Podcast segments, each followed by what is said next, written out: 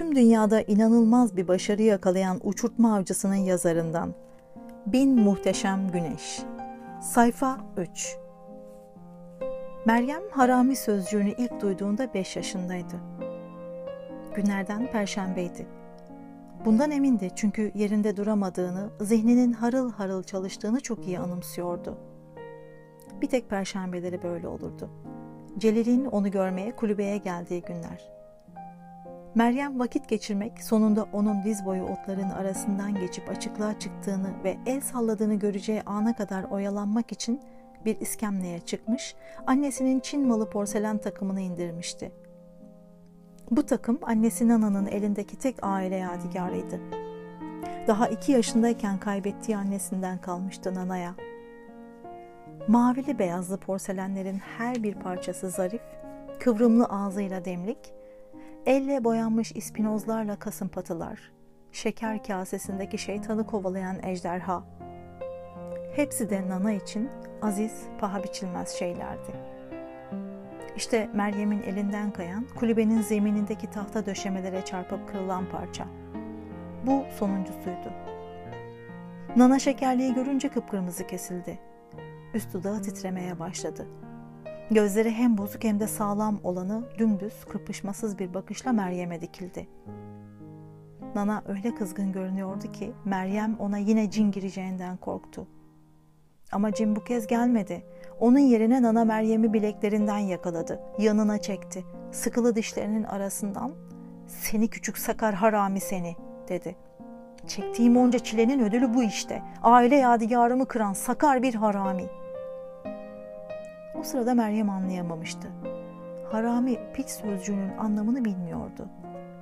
Buradaki haksızlığı ayrımsayacak asıl suçlunun tek günahı doğmak olan haramiyi dünyaya getirenler olduğunu bilecek yaşta da değildi.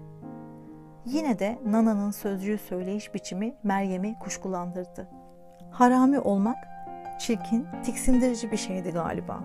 Bir böcek Nana'nın sürekli lanet okuduğu, kulübeden süpürüp attığı şu telaşlı kara fatmalar gibi bir şey. Daha sonra biraz büyüdüğünde anladı. Meryem'in asıl içine batan Nana'nın kelimeyi söyleme, daha doğrusu tükürme biçimiydi. Annesinin ne demek istediğini artık kavruyordu. Haraminin istenmeyen bir şey olduğunu yani. Kendisi yani Meryem başkalarının sahip olduğu şeylerde sevgi, aile, yuva, topluma kabul edilme gibi konularda hiçbir zaman hak iddia edemeyecek gayrimeşru bir varlıktı.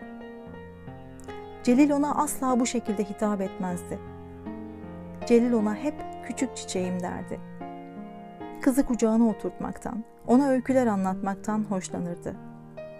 Bir keresinde ona Herat'ı Meryem'in 1959 yılında doğduğu kenti anlattı bir zamanlar Pers kültürünün beşiği, yazarların, ressamların ve sufilerin ocağı olduğunu. Orada ayağını uzatsan bir şairin kıçına değer diyerek güldü.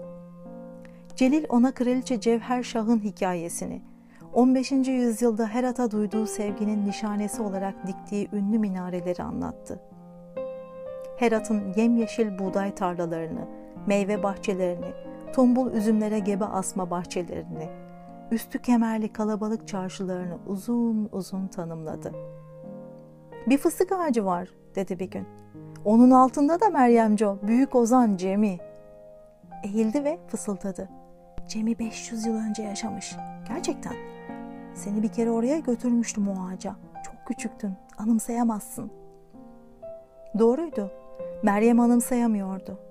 İşin kötüsü ömrünün ilk 15 yılını Herat'a oldukça yakın, neredeyse yürüme mesafesinde geçirecek olsa da öyküsünü dinlediği bu ağaca bir daha hiç gidemeyecekti. Ünlü minareleri yakından göremeyecek, Herat'ın meyve ağaçlarından tek bir meyve koparamayacak, buğday tarlalarında dolaşamayacaktı. Ama Celil ne zaman böyle konuşsa Meryem büyülenmişçesine dinlerdi. Celil'in dünyevi bilgisinin enginliğine hayrandı bu tür şeyleri bilen bir babası olduğu için gururla, huşuyla ürperiyordu. Amma büyük palavralar derdi Nana Celil gittikten sonra. Eh büyük adama da büyük palavralar yaraşır. Seni hiçbir zaman alıp da bir ağaca falan götürmedi. Seni meftun etmesine, gözünü boyamasına izin verme. Bize ihanet etti. Senin şu biricik baban. Bizi sokağa attı. Onun için beş paralık değerimiz yokmuş ki. O büyük cafcaflı evinden atıverdi bizi. Evet, hem de büyük bir keyifle. Meryem bunları uslu uslu dinlerdi. Nana'ya Celil hakkında böyle konuşmasından ne kadar nefret ettiğini söylemeye cesaret edemezdi. İşin aslı Celil'in yanındayken kendisi hiç de bir harami gibi hissetmiyordu. Her perşembe Celil tebessümlerle, armağanlarla, sevgi sözcükleriyle bir iki saatliğine onu görmeye geldiğinde Meryem yaşamın sunabileceği bütün güzellikleri, bollukları hak ettiğini hissediyordu. İşte bu yüzden de Celil'i seviyordu. Onu paylaşmak zorunda olsa bile.